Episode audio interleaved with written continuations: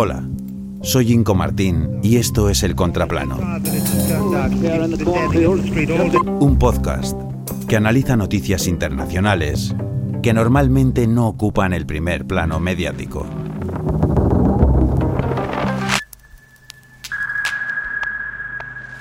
Raíles en la noche.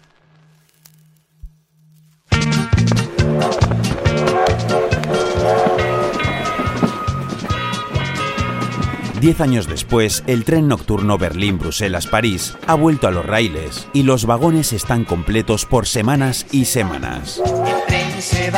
¿Estamos ante un ataque de morriña ferroviaria? ¿Ansia de aventura a ritmo de traqueteo? ¿Ante un homenaje a películas como Asesinato en el Orient Express o Desde Rusia con Amor? No. Tras décadas de abandono, el resurgir de los trenes nocturnos, tanto en Europa como en los Estados Unidos, se debe a varias razones. La principal, el medio ambiente, transporte sostenible. Así países como Austria, Alemania, Italia, Francia o Bélgica vuelven a apostar por trenes nocturnos para conectar grandes ciudades. Y no hablamos de vagones cama con incómodas literas y atestados de gente. No hablamos de cuchitriles donde la puerta se abre cada dos por tres, donde el dormir aunque sea 10 minutos es una odisea. Borre ese recuerdo. Los nuevos trenes nocturnos son otro mundo.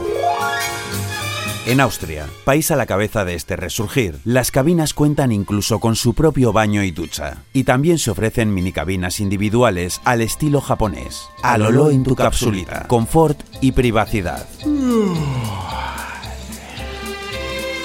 También ha favorecido a este renacer el llamado Fly Scam, lo que viene a significar la vergüenza de volar un movimiento de origen sueco que anima a dejar de volar en avión para evitar las elevadas emisiones de CO2 asociadas a este medio de transporte. Un movimiento que en el 2019 provocó que en Suecia el número de usuarios de avión bajase en un 9% y que las cifras de pasajeros de tren batiesen récords. Ante el éxito de demanda, las empresas privadas han puesto su punto de mira en los trenes nocturnos. Sin embargo, su entrada y expansión en el mercado parece complicada, al no contar con los apoyos gubernamentales con los que cuentan las ferroviarias estatales, algo que denuncian como injusto y que es vital dado el alto coste que supone abrir una línea.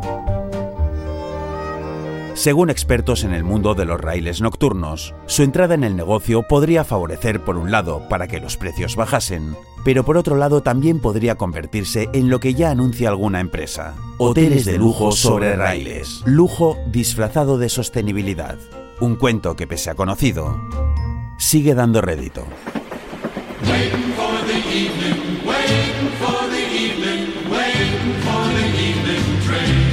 Sea como sea, y pese a que los expertos aseguran que la expansión del tren nocturno requerirá de tiempo e inversión, sobre todo para poder competir con los precios del low cost aéreo, Tampoco estaría mal el evitarse los madrugones para llegar al aeropuerto, los viajes con las rodillas incrustadas en el asiento de delante, los hablazos en el aeropuerto, las colas en la puerta de embarque, las carísimas conexiones aeropuerto-ciudad, ciudad-aeropuerto, por no hablar de exterminarnos, claro.